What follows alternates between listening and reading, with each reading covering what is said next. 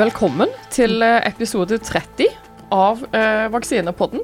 I dag eh, skal vi prate om eh, vitaminer, kosthold og immunsystemet.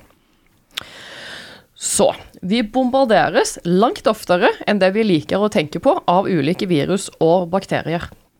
De fleste av disse merker vi ingenting til, eller relativt lite, men så hender det jo at det er noen som bryter gjennom immunsystemet vårt fra tid til annen og forårsaker forkjølelser eller enda mer alvorlig sykdom.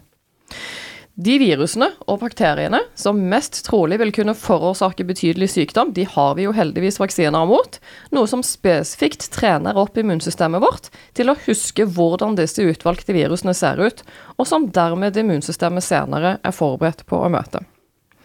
Men er det noe vi selv kan gjøre i hverdagen for å sette immunsystemet bedre i stand til å beskytte oss mot sykdom? Det er det vi skal prate om i dag. I studio har vi som vanlig Even Fossum og undertegnede, Gunnveig Grødland. Og vi er forskere ved Immunologisk institutt på Universitetet i Oslo og Oslo universitetssykehus. Med oss her i Vaksinepodden så har vi i dag òg Anne Spurkland, som er professor i anatomi og forsker i molekylær immunologi ved Universitetet i Oslo. Du Anne, du har jobbet med en rekke tema innen immunologi.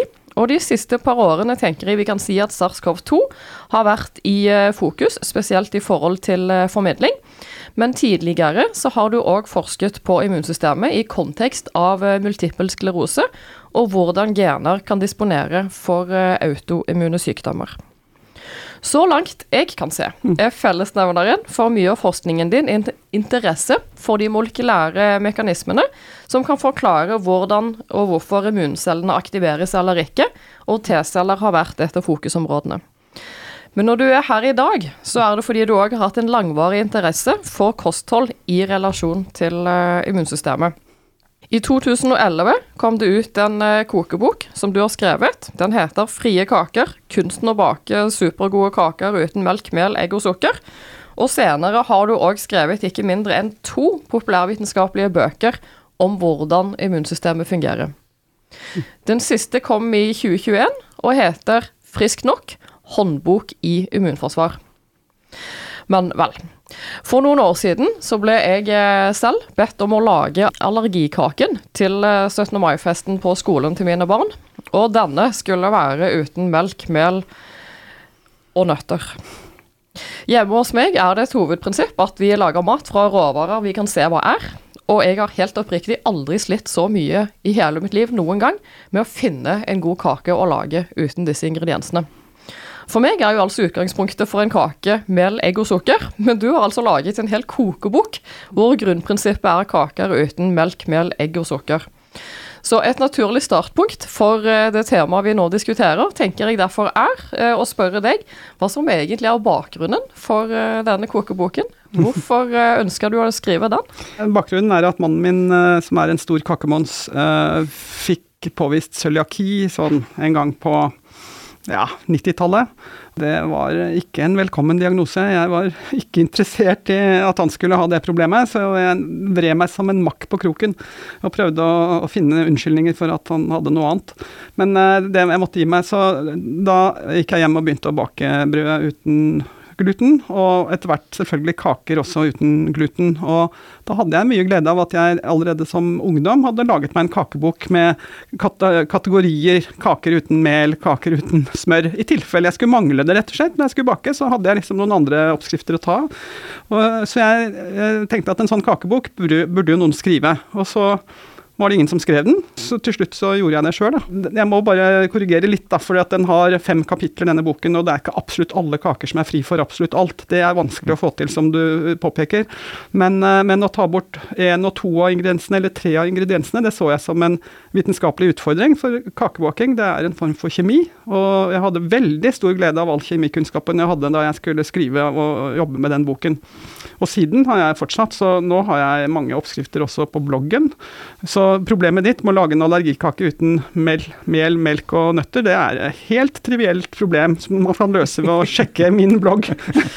Neste gang skal jeg starte med å sjekke bloggen din. Ja, og det er med ingredienser du skjønner hva er, for å si det sånn. Ja, det er bra. Kan jeg så kanskje nevne at den heter da Immunglimt? Ja, det er eh, immunologibloggen. Kakebloggen heter Frie kaker. Men altså, Frie Kaker, ja. Så hvis man søker meg og blogg, så finner man to blogger. Ja, Ja, og det med at det ble en annen blogg, det skyldes at uh, i 2012, året etter at kakeboken kom, så hadde jeg ansatt uh, gitt et tilbud om ph.d.-stilling til en fyr fra India. Som oppholdt seg på andre siden av verden da han fikk tilbudet. Og, og så skulle han da vurdere om han skulle si ja, så han googlet meg. Og fant bare kaker knyttet til mitt navn. Så da han kom, da, han, han valgte å si ja til stillingen, så kom han. Og, og, første dag på jobb så fortalte han dette, at han hadde googlet meg og bare funnet kaker, så han var kommet litt i tvil. Og da, da skjønte jeg at nå måtte jeg lage motlyd til de kakene, så jeg begynte å blogge og laget bloggen i Munglimt samme høst. Mm. Før pandemien Mm. så var det en del fokus på sant, gluten og glutenfritt og Ja. alle slike ting. Ja. Har du merka noen forskjell på pågang? Altså, I de siste par årene så har kanskje folk hatt andre ting å ha vært bekymret for enn gluten? tenker jeg. Altså, Du kan si sånn at eh, Siden jeg begynte å blogge om kaker, så har jeg hatt en viss mediatilstedeværelse. Uh, så det, det brakte meg inn i oppmerksomhetens lys. Og som du sier, det var eh, spørsmål knyttet til gluten, kaker og uh, cøliaki. Og hvert år to-tre henvendelser. Ja. Og når jeg publiserte den første boken om immunforsvaret, så ble det litt mer, og litt mer også reisevirksomhet for å, å å holde foredrag om immunforsvaret. Og noen eh, oppslag også knyttet til immunforsvaret. Men eh, da pandemien traff, så tok jo dette fullstendig av, og ingen har spurt om gluten underveis, altså. Det kan jeg love. Ikke om kaker heller. nei, ikke sant. Ja.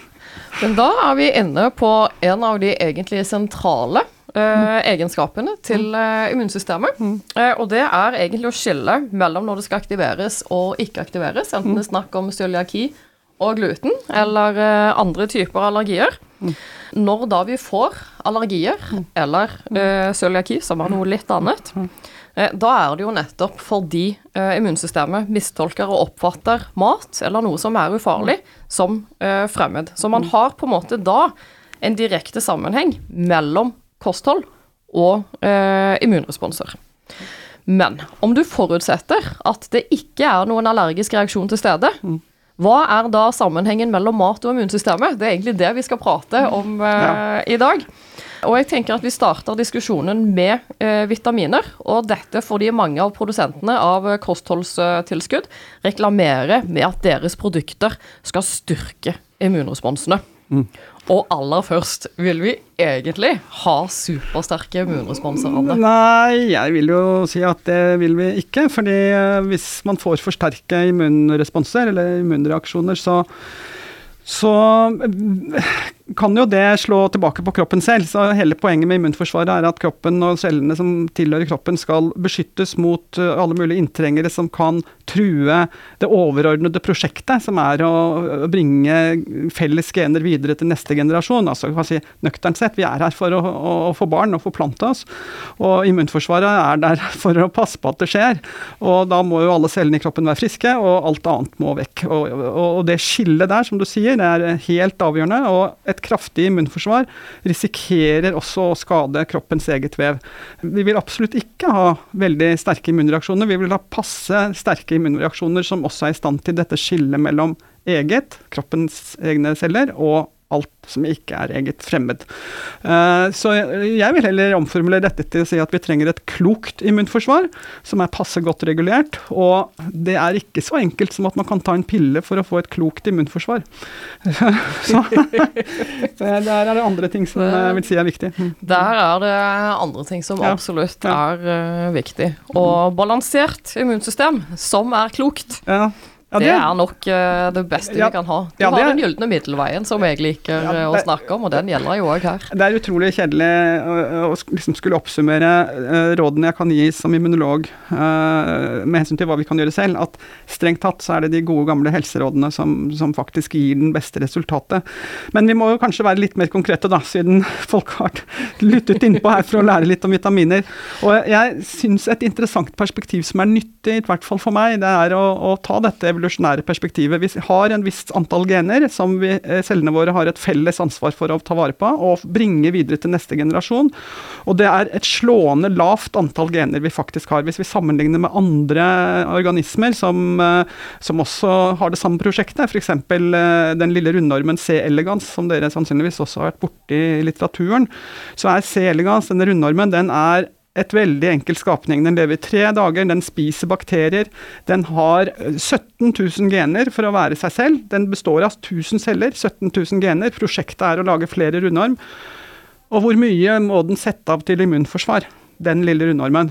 Av de 17 000 genene er 40% av genene dedikert til immunforsvar. Og det er mye, og den lever et enkelt liv. Og vi nå tenker på menneskers arvemasse, hvor mange gener har vi egentlig?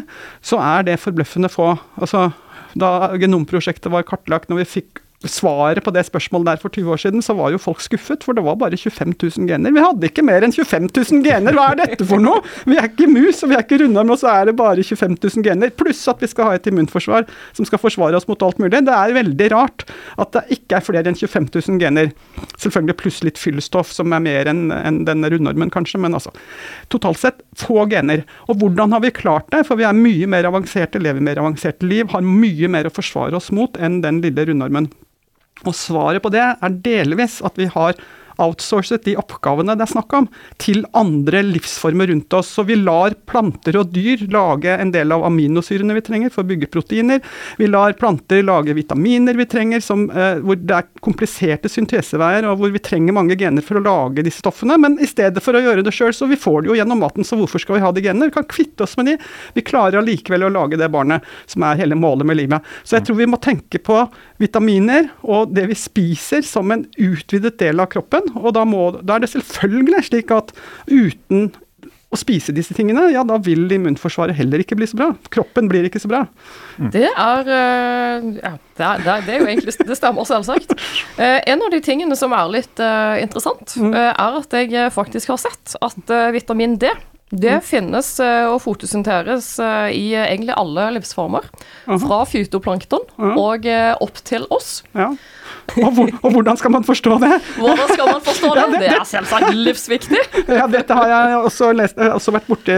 For å, jeg forberedte meg til et foredrag om vitamin D, og da oppdaget jeg dette. Og da var tanken at uh, eh, eh, det, det trenger også inn i vannet og ned i vannmassen. Og UV-lys er skadelig for arvestoffet. Så alle livsformer som skal overføre genene uforandret til neste generasjon, må jo beskytte arvestoffet så godt som mulig. Og hvis UV-lys skader det, ja da må man ha en beskyttelse mot det.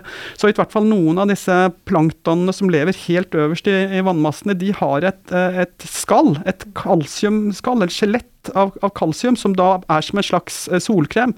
Og eh, hvordan sammenhengen mellom vitamin D og kalsium og kalk har oppstått, det, det kan man spekulere på. Men, men, kanskje er det sånn at forstadiene til vitamin D de dannes når UV-lys treffer, og de bidrar til å lage dette kalkskjelettet hos disse primitive livsformene. Og kanskje er det derfra vi har arvet sammenhengen mellom vitamin D, UV-lys og og skjelettet vårt, rett og slett.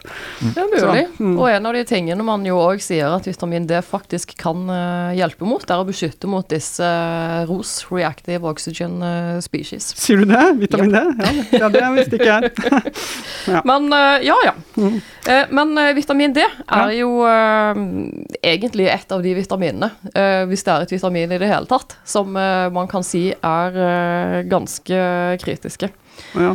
Uh, og uh, en av de tingene som uh, man vil se, mm. er at det er reseptorer på ganske mange forskjellige immunceller som indikerer, i hvert fall i utgangspunktet, mm. at vitamin D kanskje kan ha en eller annen funksjon for eh, immunforsvaret. Mm, ja, og, det, og, dette er ganske ny kunnskap. fordi at det, det, man visste om vitamin D da jeg studerte medisin på 80-tallet, det var at det var viktig for kalks, kalkomsetningen i kroppen. Så uten vitamin D så får du engelsk syke, mykt skjelett, hjulbeint eh, og den type ting. Eh, og man må passe på å ha nok vitamin D for å unngå de effektene. Sånn at i Norge, hvor vi lever såpass langt mot nord, lite sol om vinteren, så er, må vi ta tran med vitamin D for å unngå engelsk syke. Og så dukket det opp som en, en overraskelse, på et vis, at uh, det var mange gener som var regulert av vitamin D, og at de, mange av de hadde ikke noe med skjelettet å gjøre i det hele tatt. Og så oppdaget man også at immunceller uh, kan produsere vitamin D selv, for fram til da eh, trodde man at vitamin D det lages forstadier i huden, det går til leveren, omsettes i leveren, og så går det til nyrene, og der blir det aktivt vitamin D, og så får vi effektene vi ønsker, og det er en sammenheng mellom nyrer, tarm, lever og kalsium. Men så viser det seg at immunceller kan lage aktivt vitamin D selv ved behov. Så hvis en immuncelle blir aktivert, så vil den faktisk skru på det maskineriet som skal til for å omdanne forstadier til vitamin D som kommer fra leveren, til aktivt vitamin D. Og så brukes det som et hormon for den cellen og nabocellene rundt, eh, slik at de da begynner å produsere eh, forsvarsstoffer, eventuelt eh, andre effekter. Og det var, en, det var en, øyeåpner for eh, mange innen feltet. Og det, det, som også er interessant med det i forhold til multipel sklerose, som du jo minnet om at jeg har jobbet med mye, risikoen for å utvikle den sykdommen som er et immunologisk angrep på hjernen, hvor man mister funksjon i kroppen fordi isolasjonen rundt nervetråden blir borte. Den eh, immunologiske reaksjonen den risikerer man i større grad å få hvis man på et tidligere tidspunkt i livet har hatt lavt vitamin D. Så hvis man som ung rekrutt i Forsvaret, hvor der prøvene er tatt, har hatt lavt vitamin D, så ser man at en del av de rekruttene 15-20 år etterpå har fått multiple sklerose. Sånne sammenhenger har man også sett for andre autoimmune sykdommer, og nå helt nylig også for alvorlig covid-19-syke. Så hvis man eh, måler vitamin D hos pasienter med covid-19, så, så er det flere av de som er alvorlig syke, som har lave nivåer av vitamin D. Hvis vi går tilbake uh, aller først mm. til det du sier om at immunceller i noen tilfeller faktisk kan ta og lage vitamin D selv, mm. så er en av de som kan gjøre det, makrofager. Mm. Og det er jo en celle som er sentral mm. i det medfødte immunsystemet, mm. og hvor da D-vitamin har betydning for evnen til disse makrofagene når det gjelder å spise virus mm. og bakterier. Mm. Eh, som de jo faktisk eh, gjør. Mm. Så det kunne jo, hvis du ser rent på mekanismen, mm. så kunne det peke i retning av at hvis du hadde masse D-vitamin, mm. så ville du kunne få en økt aktivering av makrofager, mm. og derfor en økt fjerning av virus og bakterier med en gang de treffer immunsystemet ditt. Eh, og at det kunne ha en eh, positiv effekt. Mm. Men eh, er virkeligheten så enkel? Nei, altså, det, det, var jo ikke Vi hadde jo ikke vært mange dager i pandemi før, før det kom annonser i avisen hvor folk reklamerte for vitamin D-tilskudd og andre tilskudd, og sa at dette, ta dette, så er du beskyttet mot covid-19. Det var jo selvfølgelig altfor tidlig, for det var jo ingen som visste om det ville beskytte mot noe som helst. intuitivt så ville man jo tro at det å ha et høyt vitamin D-nivå ville være bra og nettopp som du sier, at man må anta da at makrofagfunksjonen i luftveien osv. vil være bedre eh, enn hvis man ikke har det. Men det mangler faktisk ennå studier som helt klart viser at det å ta vitamin D-tilskudd kan forebygge et uheldig forløp av covid-19. Det foregår sånne studier, det er flere kliniske studier som er på gang. En av de er i Norge og heter TRAN-studien, hvor koronastudien som drives fra OUS, eh, har rekruttert folk til å spise enten tran eller noe som ligner på tran. Man vet ikke hva man får, og så skal man se da om det er forskjell på eh, om man er beskyttet mot infeksjonen eller mot uh, sykdommen. Så det er vel motivasjonen for å oppfordre til å, å, spise vitamin D. Men man kan Jeg vil si at det er gjort en god del studier fra før, før covid-19, på å se om det å ta tilskudd av vitamin D i løpet av et år vil gjøre at man får færre luftveisinfeksjoner. Det er såpass mange studier at de også har vært samlet i en såkalt metastudie, og den siste kom vel nå nettopp relativt nylig, og jeg leste manuskriptet før det var publisert over 40 studier som ble sammenlignet. Uh, over 20 000 personer involvert. Noen av de hadde lave nivåer, noen hadde normale nivåer. Alle fikk tilskudd, eller halvparten fikk tilskudd, halvparten fikk uh, ikke noe. Og så uh, måler man da om de har i løpet av året vært, hatt én eller flere luftveisinfeksjoner. Og Resultatet er at hvis du i utgangspunktet har lite D-vitamin, et lavt nivå som kan måles i blodet, så vil det være en beskyttelse i å ta tilskudd. Men sammenligningsgruppen har kanskje altså, Jeg husker ikke nøyaktig prosentene, men det er sånn 73% i gruppen som ikke fikk tilskudd, hadde minst én eh, luftveisinfeksjon. Mens når du fikk tilskudd, så var det 71% som hadde minst én luftveisinfeksjon. Det er statistisk signifikant, men prosentpoeng, forskjellen er to. Det er to prosentpoeng. Opp fra et høyt nivå til et fortsatt høyt nivå. Og jeg vil si at det er så lite forskjell at jeg vil ikke love noen at de merker forskjell ved å ta vitamin D-tilskudd. Jeg kan ikke love noen at de merker at de får færre forkjølelser, for du kommer til å bli forkjølt uansett. Her tenker jeg det er et godt eksempel eh, på at statistikken den eh, kan lyve og overdrive biologiske funksjoner. Ikke sant. Ja, nei, på, men det er jo det er flere studier som har kommet som har sett på dette med sånne type historiske vitamin D-nivåer. At ja. du ser, prøver å se litt sånn tilbake på Eh, personer som da har fått tatt blodprøver før ja. pandemien kom, og så ja. måler man vitamin D-nivåene, og ser man at de som da har hatt lavere nivåer før, har, eh, før, før pandemien, kanskje har hatt høyere risiko for alvorlig sykdom.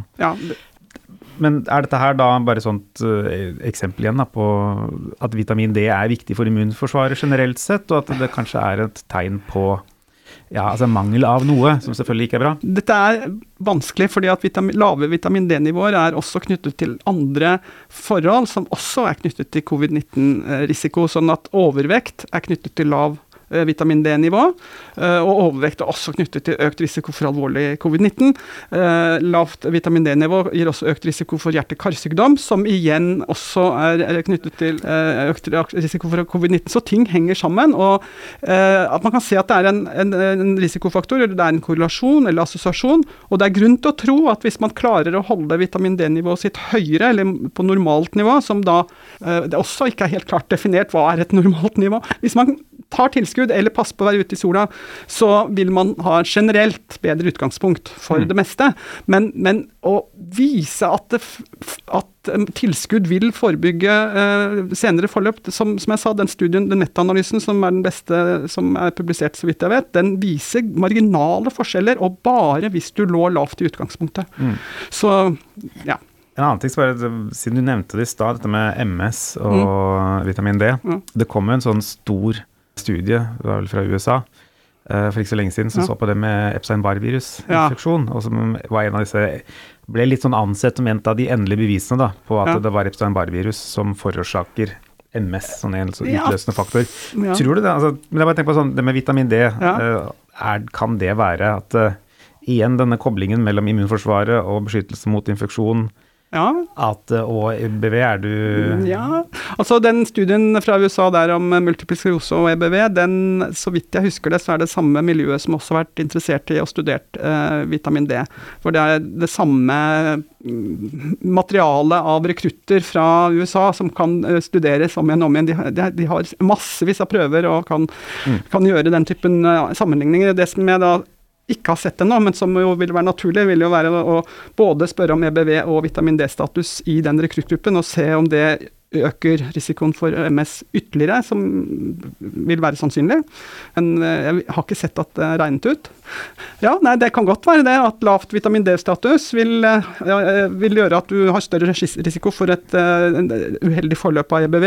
Uh, at du ikke klarer å håndtere det godt nok så du får enten kyssesyke når du er ung, eller at uh, viruset reaktiveres underveis. Vi, vi, vi, har jo det viruset alle sammen når vi først har hatt infeksjonen. Vi blir aldri kvitt det, men det kan jo allikevel være forskjell i hvordan immunforsvaret håndterer det, og at vitamin D kan være med å regulere det. Ja, jeg kan mm. godt være med på det. Dette her handler jo delvis som, som jeg tenker, at eh, skal du gi folk råd om hva de skal gjøre og hva de skal spise, så er det vanskelig å være veldig tydelig på at dette kommer til å bli effekten, og dette er gevinsten av å ta vitamin D. Jeg syns det er nok å si det er åpenbart at vitamin D er viktig for uh, normal og god helse, og, og hvis du ligger lavt, så er det grunn til å ta tilskudd. Hvis du ikke ligger lavt i vitamin D, så trenger du egentlig ikke å tenke på det.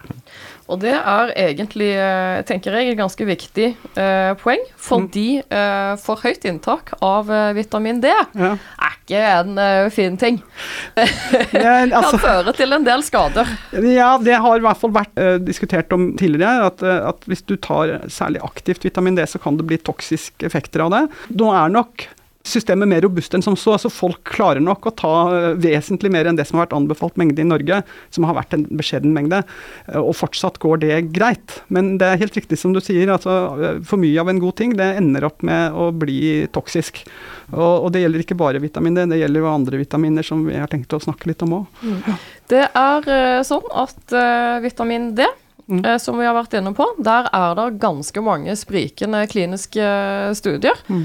Og noen av de som ikke er så sprikende, er litt pussige når man, som du var inne på, Anne, mm. tidligere, ser på forskjeller i kontrollgruppen og den mm. gruppen som eh, har fått eh, vitamin D. Mm. Det kan godt være en effekt, men her er det mer vi vet enn det vi, uh, mer vi ikke vet enn det vi vet foreløpig når det gjelder hva den effekten egentlig uh, skal være. Uh, en av de tingene jeg syns er litt interessant med vitamin D, er hvis man ser på det tillærte. immunforsvaret, for der mm. vet man bitte litt mm. om hvilke mekanismer dette vitaminet faktisk kan gi. Og en av de tingene jeg syns er eh, egentlig ganske kult, -hmm. til tross for at disse her produsentene av kostholdstilskudd driver og prater om hvordan vitaminer og sånt kan styrke immunforsvaret. Det vitamin D det de facto gjør, er å dempe immunresponsen. Og nettopp derfor så er òg vitamin D interessant i forhold til uh, multippel sklerose mm. og en rekke andre immunsykdommer, fordi det tar og bidrar til å dempe mm. de skadene som immunsystemet ellers ville ha igangsatt i kroppen. Mm. Uh, og dette gjelder faktisk både uh, B-celler og T-celler når det mm. gjelder vitamin D. Mm. Det kjører ned responsene. Det tar og aktiverer noe vi kaller for regulatoriske T-celler, som har som sin hovedfunksjon og dempe responsene. Det som er Poenget der er vel å, å, huske på at når immunforsvaret skal klare denne skillet mellom hva er det som vi skal beskytte og bevare, og hva er det vi skal fjerne, så er det lagt på en tallrike mekanismer for å holde tingene i sjakk. Og Noe av det er som du sier regulatoriske celler, eh, som vi har lært masse om de siste 10-15-20 årene. Eh, det var et skjellsord da jeg var ung student, suppressor T-celler. Sånn, til slutt så ble de som snakket om det, de ble uglesett fordi ingen trodde på dem. Og ingen trodde at de fantes, det var et artefakt, men det er det ikke. Det vet vi nå.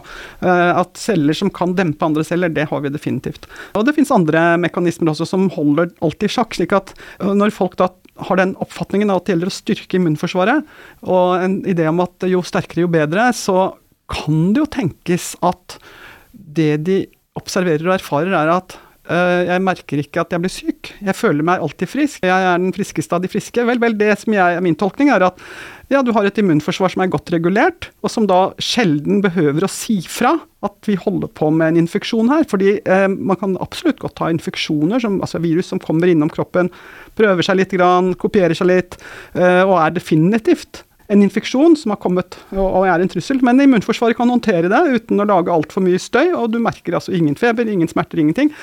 Og syns du har et kjempefint og sterkt immunforsvar, men det du i realiteten har, er et godt regulert immunforsvar. Mm. Sånn er det for uh, veldig mye. Det er ganske entydig for vitamin D at man ser demping som den mm. viktigste immunologiske effekten. Eh, hvis vi går videre til eh, vitamin A, vil du si noe før vi går videre? Nei, jeg bare, satt og tenkte på, for det er, altså det er litt sånn fascinerende med den der, sånn immunbalansen her. Mm. Altså, jeg satt også og leste en, eh, en, en, artikkel på disse litt mer alternative mm. bloggene, mm. som da gikk på skabb, skabb. og vitamin D. Ja. Og da var liksom Argumentasjonen her var liksom den derre at personer med nedsatt immunforsvar mm. kan ha høyere risiko for skabb. Ja. Vitamin D er viktig for immunforsvaret. Ja. Ergo så må vitamin D beskytte mot skabb. Ja. Og, liksom, og hvordan det var bare å kjøre på med vitamin D. Så som liksom, tabletter eller krem? Som eh, Nei, her var det nok innvortes det var snakk om. Som, som, det var snakk om. Men, er, men det er den, der, den, den lille sånn der logiske kortslutningen, da. Ja. Som alltid går på at Og du kan egentlig erstatte skabb med et hvilken som helst annen infeksjon her, tenker jeg. For å finne alle mulige andre Er, er, det en utfordring vi har, da, som formidler på en måte balansegangen her, at uh, noe, noe, kan være viktig for Immunforsvaret? Ja, men altså, kan jeg, jeg bare må avbryte her. at Vi har jo hatt en kjempedrahjelp av pandemien. for at Før pandemien så visste jo folk lite om immunforsvaret. En av grunnene til at jeg skrev den første boken, var jo nettopp for å begynne å snakke om immunforsvaret i et språk som folk klarer å henge med på, iallfall et stykke på vei. Og Så kom pandemien, og så har vi fått kjempeanledning til å snakke om immunforsvaret, så folk kan forstå.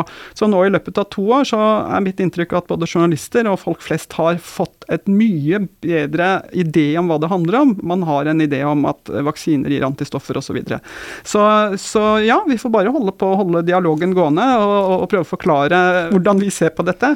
For det som jeg også tenker at pandemien har vist veldig tydelig, er at når dette viruset ender noen ganger opp med, med opphold på intensivavdeling og død, så er det jo i liten grad selve viruset og mye mer immunforsvarets håndtering av situasjonen som lager skadene. Så de som dør av SARS-CoV-2-infeksjon, de dør fordi de har et dårlig regulert immunforsvar og har endt opp i den, den kritiske situasjonen, eh, sånn som jeg Mm. Oppfatter det, da. Eh, eh fordi det tar, Du får en, en, uke hvor du får infeksjonen, så en uke hvor immunforsvaret kan prøve å rydde opp. og Hvis ikke de klarer det i løpet av den andre uken der, ja, da er du risiko for å få denne voldsomme betennelsen.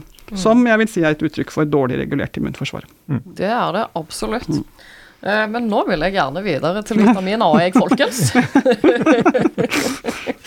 altså, vitamin D mm. er eh, superkult. Mm. Eh, en av de tingene jeg tenker, eh, hvis man ser litt overordna på det, er at der vitamin D relativt entydig bidrar til denne dempingen av immunsystemet, hindrer rett og slett spesielt T-celler mm. fra å choppe opp våre indre organer, så er det i hovedsak òg tilfellet for vitamin A.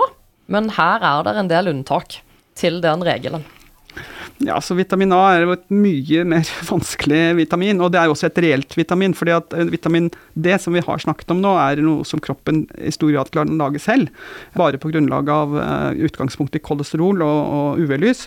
Mens vitamin A det uh, baserer seg på stoffer fra planter, karotinoider, sånn gulrot og rød farge. Du må spise dette, og så blir det omdannet til vitamin A i kroppen. Uh, eller aktivt vitamin A. og Det stoffet er så viktig at det ble oppdaget allerede for flere hundre år siden at det var noe i fett som var viktig for normal funksjon av kroppen. Uh, og, og, noen fikk nobelprisen for å ha definert strukturen på vitamin A uh, allerede på 30-tallet, så dette her er uh, gammel, gammel, biologisk kunnskap. Men allikevel så sitter jeg med en sånn følelse av at dette er forferdelig komplisert og vanskelig, og oversiktsartikler om vitamin A for immunforsvaret, de påpeker at her er effektene mangfoldige, og de går i mange retninger. Men en enkel måte å tolke det på, eller konkludere på, er, slik som jeg ser det, er at vitamin A er viktig for at celler skal utvikle seg normalt. De skal eh, få den rette funksjonen og eh, er det noe som virkelig hele tiden utvikler seg, absolutt hele tiden, så er det immunforsvaret. Fordi veldig mye av immunforsvaret lages på daglig basis i beinmargen.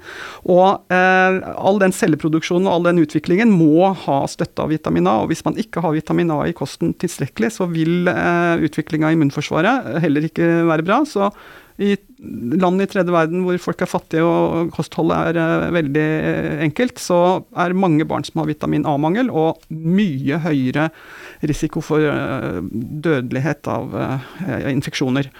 Så Det er viktig å ha et viss ernæringsmessig ja. grunnlag, ja. utvilsomt. Ja, ja. Så, så, så når, når, når, ernæringen er veldig mangelfull, så er vitamin A en av de viktige tingene som absolutt bør uh, fokusere på, og eventuelt ta som tilskudd, fordi det er så helt sentralt i utvikling av alle disse cellene som hele tiden deler seg. og er, En ting er immuncellene i beinmargen, en annen ting er de cellene som er kanter, er uh, uh, overflatene våre i luftveiene og i tarmen. Der er det også veldig stor utskifting av celler hele tiden for å mm. passe på at ikke mikrober liksom slår seg ned.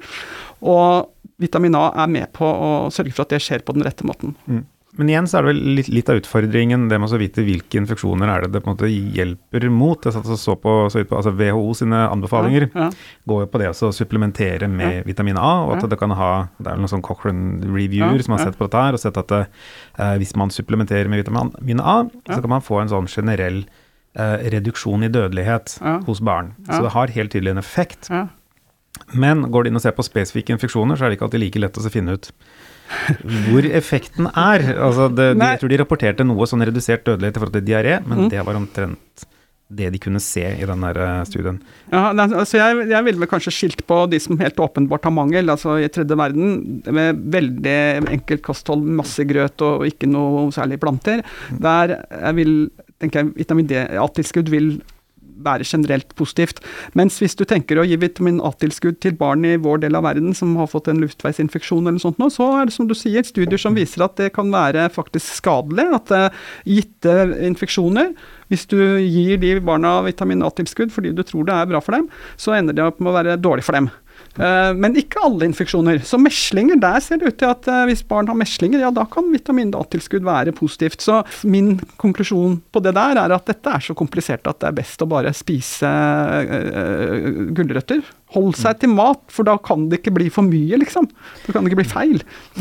Det var en uh, studie jeg leste om hvor egentlig det ble ganske klart, mm. det du sier nå. At mm. du kan ikke liksom se på en generell effekt mm. av denne vitaminen. Mm. Og det gjaldt eh, tuberkulose, okay. som er en av de sykdommene hvor man eh, jo mener at vitaminer skal være veldig bra for å styrke immunforsvaret til hjelpe mot eh, tuberkulose. En av de tingene som var litt interessant, var at man faktisk eh, fant at vitamin A kunne hjelpe på tuberkulose. Og det tar faktisk òg og øker effekten av behandling hvis du tar og eh, gir eh, vitamin A. Mm. Men det hadde relativt lite med immunsystemet å gjøre, egentlig. Mm. Og grunnen er at vitamin A òg har en funksjon når det gjelder å få fjerna kolesterol fra cellene. Mm. Så når, når, du fikk fjerna kolesterol fra cellene i større grad, så hadde altså ikke tuberkulose Det hadde ikke nok kolesterol til stede for å bygge opp membranen. Mm. Og dermed så var det mer eh, tilgjengelig for både medikamentell behandling, men òg for at immunsystemet kunne fjerne selve tuberkulosebakterien. Som igjen illustrerer at her kan det være veldig mange forskjellige prosesser for ulike virus og bakterier som er involvert. Mm. Og fasiten, den generelle fasiten er ikke vi i nærheten av å ha ennå. Det er jo litt hyggelig, for da har vi noe å forske på videre. ja, men ellers så, ellers så, tenker jeg også at det er, illustrerer godt uh, mitt uh, mantra, som er at uh, kroppen er utviklet i nærvær av miljøet og i den måten vi har til enhver tid spist. Og he hele systemet vårt er bygget på at dette er tilgjengelig. Og hvis man nøyer seg med å spise mat, så blir det ikke feil. I det øyeblikk du tar ut én komponent og tar det som et ekstra tilskudd, ja da forskyver du den balansen som kroppen er utviklet til å fungere i. Og du vet egentlig ikke helt hvordan dette går. Og det som jeg syns også kanskje kan være et poeng å minne om her, fordi at når vi snakker om vitaminer, så er det jo da stoffer som kroppen ikke har men som må tilføres. Og det er til, i kontrast fra medisiner. Som, som, vi av og til tar når vi er syke. ikke sant? Paracet og hva den er for noe. Og Paracet er usunt, og det er unaturlig, mens vitaminer er eh, liksom, det er naturlig. Jeg tror man må tenke på vitaminer litt som man tenker på medisiner. Det kan overdoseres. Og eh, når det gjelder vitamin A, så er det helt opplagt at har man for mye vitamin A, oppfattes mer som gift det er bra å ta vitamin A, det er bra å ha nok, men det er ikke bra å ha for mye. Og det begrenser f.eks. hvor mye tran du kan ta hver dag. Fordi tran inneholder både vitamin D, som vi snakket om i stad, og man kan kanskje ta mer vitamin D, men du kan ikke ta mer vitamin A enn en viss mengde. Og én barneskje tran per dag er det som er passe. Tar du to, så kan du risikere å ta for mye vitamin A. Her igjen eh, kommer vi inn på at verden er eh, ikke så veldig eh, enkel. Svart-hvitt er den slett ikke. Bare et lite spørsmål der, for altså, vitamin A er jo altså fettløselig? Det, begge, begge, begge, to er ja, Både vitamin A og vitamin D er fettløselig. Mm. Kan vi lagre det i særlig grad? Altså Er det sånn den ideen om å Kan jeg ta en, en, en litt sånn solid slurk med tran i helga? Og holde meg resten av uka? ja, det tror jeg kanskje går. At hvis du tar det litt i rykanap, det tror jeg kanskje går. Vitamin A lagres i leveren. Sånn at hvis det blir et overskudd, så vil det kunne være der, ja. Men, men altså, vinduet for hva som er det riktige nivået av vitamin A, er mye smalere enn for vitamin D, og du risikerer toksiske effekter og, og får dårligere helse hvis du tar for mye. Mens vi er inne på en overdose overdosevitamin, så mm. tenker jeg vi beveger oss videre til vitamin C. Og der er det selvsagt fordi det er en eh, del som når de kjenner de begynner å få forkjølelse eller influensa eller lignende, tar eh, masse C-vitamin. Mm. Ja. Funker det, eller? ja, C-vitamin er jo, det er jo noe annet. Det er et vannløselig vitamin. Eh, det er igjen et stoff som vi ikke lager selv fordi vi kan så lett spise det. Altså Vi har kastet ut de nødvendige genene. Det er ikke så mye som skal til for at vi skulle kunne lage det selv. Og, og andre dyr, pattedyr som er nærme oss, sauer og sånn, de kan lage vitamin C selv.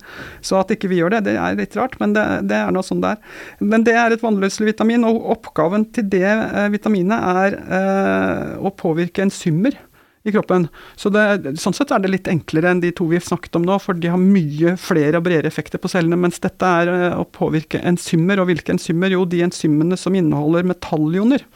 Så en del av eh, de prosessene som foregår i kroppen er avhengig av eh, enzymer, proteiner som kan forandre ting, og de har noen av dem et metallion som er helt avgjørende, jern eller sink, og vitamin passer på at ionene har den riktige ladningen. Og hvis man da mangler vitamin, D, så vil, nei, vitamin C, så vil f.eks. bindevevet i kroppen ikke bli laget på riktig måte, for disse enzymene mangler eh, vitamin C, og du får ikke laget bindevev som henger sammen. Og det vet vi jo fra historien, at uh, sjøfarende som var lenge ute på sjøen og ikke hadde med seg lager av grønnsaker og, og, og bær, de begynte å miste tennene, de begynte å blø fordi bindevevet var ødelagt. Og en uh, skipslege som uh, var på en sånn lang tur i Stillehavet, han uh, gjorde et klinisk forsøk. Han hadde åtte forskjellige behandlinger. Noen fikk eddik, og noen fikk saltvann, og noen fikk sitroner, og noen fikk jeg husker ikke hva. Men de som fikk sitroner, de ble friske og kunne hjelpe de som fikk eddik. Så da fikk han bevist at sitroner er løsningen, selv om han ikke helt skjønte hva, som, var, hva som var i sitroner som hjalp. da. Mm.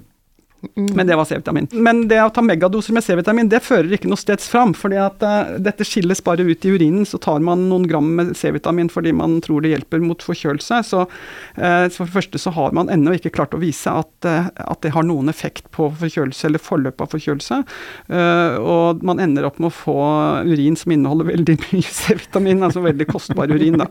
Så, så det jeg vil si at nei, det er ikke det som C-vitamin gjør for immunforsvaret. Man tenker jo på C-vitamin som et antioksidant, fordi denne effekten C-vitamin har på disse metallionene, er å redusere dem. altså Da, da plukker de opp elektroner, og dermed fungerer som en sånn antioksidant. Uh, mm. Fordi oksidanter er vel oksygen som har et, plukket opp et ekstra elektron så vidt jeg husker. Mm. Og vitamin C kan plukke det bort. Men det klarer kroppen fint på andre måter også. I det øyeblikk det produseres flere oksygenradikaler fordi uh, celler er aktivert, særlig immunceller, treng, begynner å produsere masse oksygenradikaler når de blir aktivert.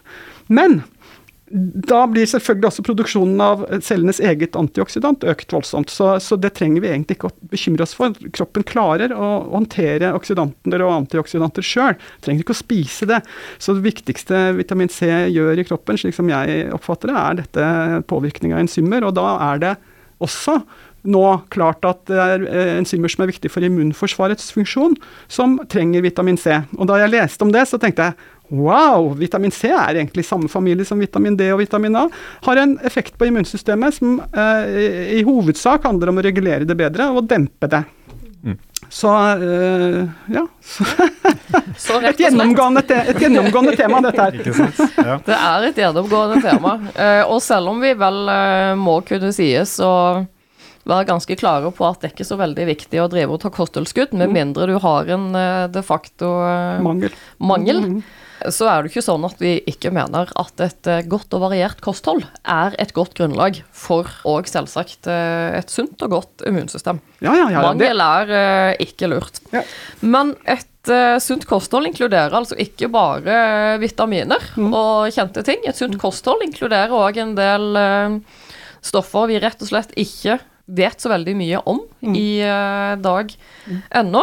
Jeg har hørt f.eks. at det å spise gurkemeie er ikke så dumt. Anne, hva syns vi her? ja, altså, Gurkemeie er vel ikke akkurat et vitamin, men det er i folkemedisinen kjent som et, eh, en plante som har eh, betennelsesdempende effekt, og brukes eh, da som medisin i de delene av verden hvor man har gurkemeie. Og i India så brukes jo gurkemeie også veldig mye som en del av kostholdet. Man bruker det rett og slett som et krydder eller tilskudd i mat. Maten skal være gul og fin, den bruker gurkemeie. Så, så, det har vært gjort forskning da, på å prøve å forklare den angivelig betennelsesdempende effekten av gurkemeie, hvor man har isolert stoffer fra gurkemeie og, og undersøkt effekten. og En studie fra ja, 25-30 år gammel nå viste at uh, den gule fargestoffet, det som faktisk er også gul konditorfarge, det kommer fra gurkemeie. Jeg husker ikke akkurat hva det heter nå, men, uh, men iallfall det stoffet der, det kan uh, dempe en eller hemme en, eh, et, et, protein eller en mekanisme i celler som er med på å drive betennelse. Og NF-kappa B hemmes. Og Det er jo interessant og fint. Men konsentrasjonen av det stoffet, hvor mye må du bruke for at det skal bli den effekten? Jo, du må bruke så store doser at det er vanskelig å spise så mye gurkemeie for å få en sånn effekt. De som er interessert i gurkemeie nå, med tanke på behandling og, og, til medisinsk bruk, eh, leter etter muligheter for å endre litt på dette stoffet, da, slik at det blir mer potent. Men da er vi jo over i, i medisin, og ikke i, i plantemedisinen, vil jeg si. Altså Hvis du må forandre på stoffene i planter, ja da er det slik veldig mange av våre medisiner kommer fra. Nemlig at de var i en plante, vi har forbedret dem og bruker som medisin. Ja, Hjertemedisinen kommer ja. vel fra revebjørner, hvis ja, ikke jeg husker helt feil. Det Men det er jo absolutt en medisin likevel. Ja, Ja da. Jeg skrev jo den andre boken nå under pandemien om immunforsvaret, frisk nok. Uh, og det var delvis fordi det hadde vært så mye snakk om immunforsvaret. Jeg hadde snakket om det, du hadde, Gunnveig hadde snakket om det. Så, uh, nå har vi snakket så mye om immunforsvaret, så kanskje lage en liten oppsummering av dette, da. Og spesielt hva kan vi gjøre selv for å hjelpe immunforsvaret. Så, og fordi folk er opptatt av gurkemeie bl.a., så prøvde jeg å finne fram, da. Er det skrevet noe om gurkemeie som jeg syns uh, virker fornuftig? Og da fant jeg denne studien jeg nettopp refererte til. Men jeg fant også enormt mange andre artikler om gurkemeie og effekter på immunforsvaret som jeg ikke syntes var like imponerende. Og det var også eh, altså veldig mange oversiktsartikler som skrives om det. Og jeg oppdaget også at enkelte forfattere er grossister i å skrive oversiktsartikler om gurkemeie og effekter på immunforsvaret. Jeg fant en eh, iransk professor, ganske ung fyr på noen og 40, som eh, kanskje er hjertemedisiner i utgangspunktet. Han hadde over 650 oversiktsartikler totalt. Og av de, kanskje 170 av dem eh, handlet om gurkemeie. Altså det var en massiv produksjon av tekst. Og da tenker jeg at hvis du kommer inn i vitenskapelig litteratur og begynner å lete selv etter eh, ting du kan lese om vitaminer og om gurkemeie og hva det nå er du lurer på, så vil du fort komme opp i et villnis av oversiktsartikler og vitenskapelig litteratur som er slik jeg ser det, er bare støy og veldig vanskelig å orientere seg i. Veldig vanskelig å vurdere kvaliteten. Veldig vanskelig å, å, å, forstå om dette her er noe jeg må forholde meg til eller ikke. Jeg endte opp med å skrive et eget kapittel om hvordan man, skal, hvordan man vet hva man vet, og hvordan man skal prøve å orientere seg når man skal prøve å finne ut av dette. Som helt uerfaren leser, så vil jeg si at man må Man kanskje ikke klarer å se at denne mannen hadde skrevet 770 oversiktsartikler. Jeg vil si at når han har skrevet så mange, så orker jeg ikke å lese noen av dem. Fordi det blir for mye. Og dessuten så indikerer det jo, som du er inne på, at kvaliteten er eh, relativt eh, tvilsom. Ja, det går ikke an å skrive så mye på så kort tid som har eh, god kvalitet. Så det, det er et dilemma, men uh, man kan jo starte med å påpeke at det er et problem, da. Mm. Uh, at man må rett og slett se på volumet av hvor mye som er skrevet, og hvor er ting skrevet, uh, og hvem skriver disse tingene. Og som et minimum så må man kreve at en som skriver en oversiktsartikkel, faktisk også av og til har skrevet noe som ligner på det temaet det handler om. Mm. Så jeg ville f.eks. aldri funnet på å skrive en oversiktsartikkel om, om, vitamin D fordi så lenge jeg ikke har forsket på vitamin D, eller på vitamin A så lenge jeg ikke har forsket også på vitamin A. Jeg ville ha gjort, hadde gjort én studie, da, som et minimum, før jeg skrev en oversiktsartikkel. Jeg tenker at Litt av utfordringen er at du, du finner jo alltid det du leter etter. Ja, det, altså, hvis, du, hvis, du, ønsker, så mm. er det jo så mye der ute. Altså, det, og jeg merka det litt når vi bare prøvde å finne artikler til, til denne podkasten her. Ja. At det er eh, mye om vitaminer sånn, ja. av ganske sånn tvilsomme oversiktsartikler som er veldig i overkant positive. Det, det, sånn, hvordan skal du forholde deg til det, og så prøver du å leite litt videre til kanskje de litt mer sånn omfattende, f.eks. disse Cochrane-studiene. altså De klarer ikke de å konkludere med det samme. Nei, nei. Så da, da, blir det på en måte du Ja, hvis du ønsker å finne positive artikler om vitamin D eller gurkemeie eller noe, ja. så, så, finner man det. tror Ja, ja, så kan man jo også Det som også kanskje er greit å vite når man skal gå inn i denne materien, er at det finnes nå mange tidsskrifter som har en interesse av å faktisk produsere artikler for å få sin egen altså, de, de selger uh, publiseringsplass, så de tjener penger på å ta inn uh, artikler, og da er det ikke sikkert de bryr seg så veldig mye om å sjekke kvalitet. Mm. Sånn at det også passer på at man ser, leser ting som er skrevet i tidsskrifter som er anerkjent. Ja. Ja, Det vi egentlig sier, er ta ikke informasjonen din fra upålitelige kilder på Facebook uh, nødvendigvis. Mm. Men uh, forsøk å sjekke kvalitet i den grad ja. det er mulig på det man leser. Ja. Og nå er vi jo tre immunologer som sitter her, mm. og hovedkonklusjonen vår må vel egentlig være at her har ikke vi et klart svar nøyaktig på mm. hvordan eh, vitaminer og eh, andre næringsmidler faktisk påvirker immunsystemet. Mm. Eh, vi vet at eh, det kan ha en påvirkning, men hvordan og hvor viktig den vil være mot ulike sykdommer og i ulike sammenhenger, det vet vi egentlig relativt eh, lite om ennå. Mm. Rett og slett. Flere studier må til, og det må opplagt mer forskning til. Og en av de viktige tingene da vil være, spesielt for kliniske studier i mennesker, å ha gode kontrollgrupper. Man må sammenligne det å bruke f.eks. vitaminer eller andre næringsmidler opp mot grupper som tilsvarer omtrent samme helsestatus og alder, noe som jo kan vise seg vanskelig ofte.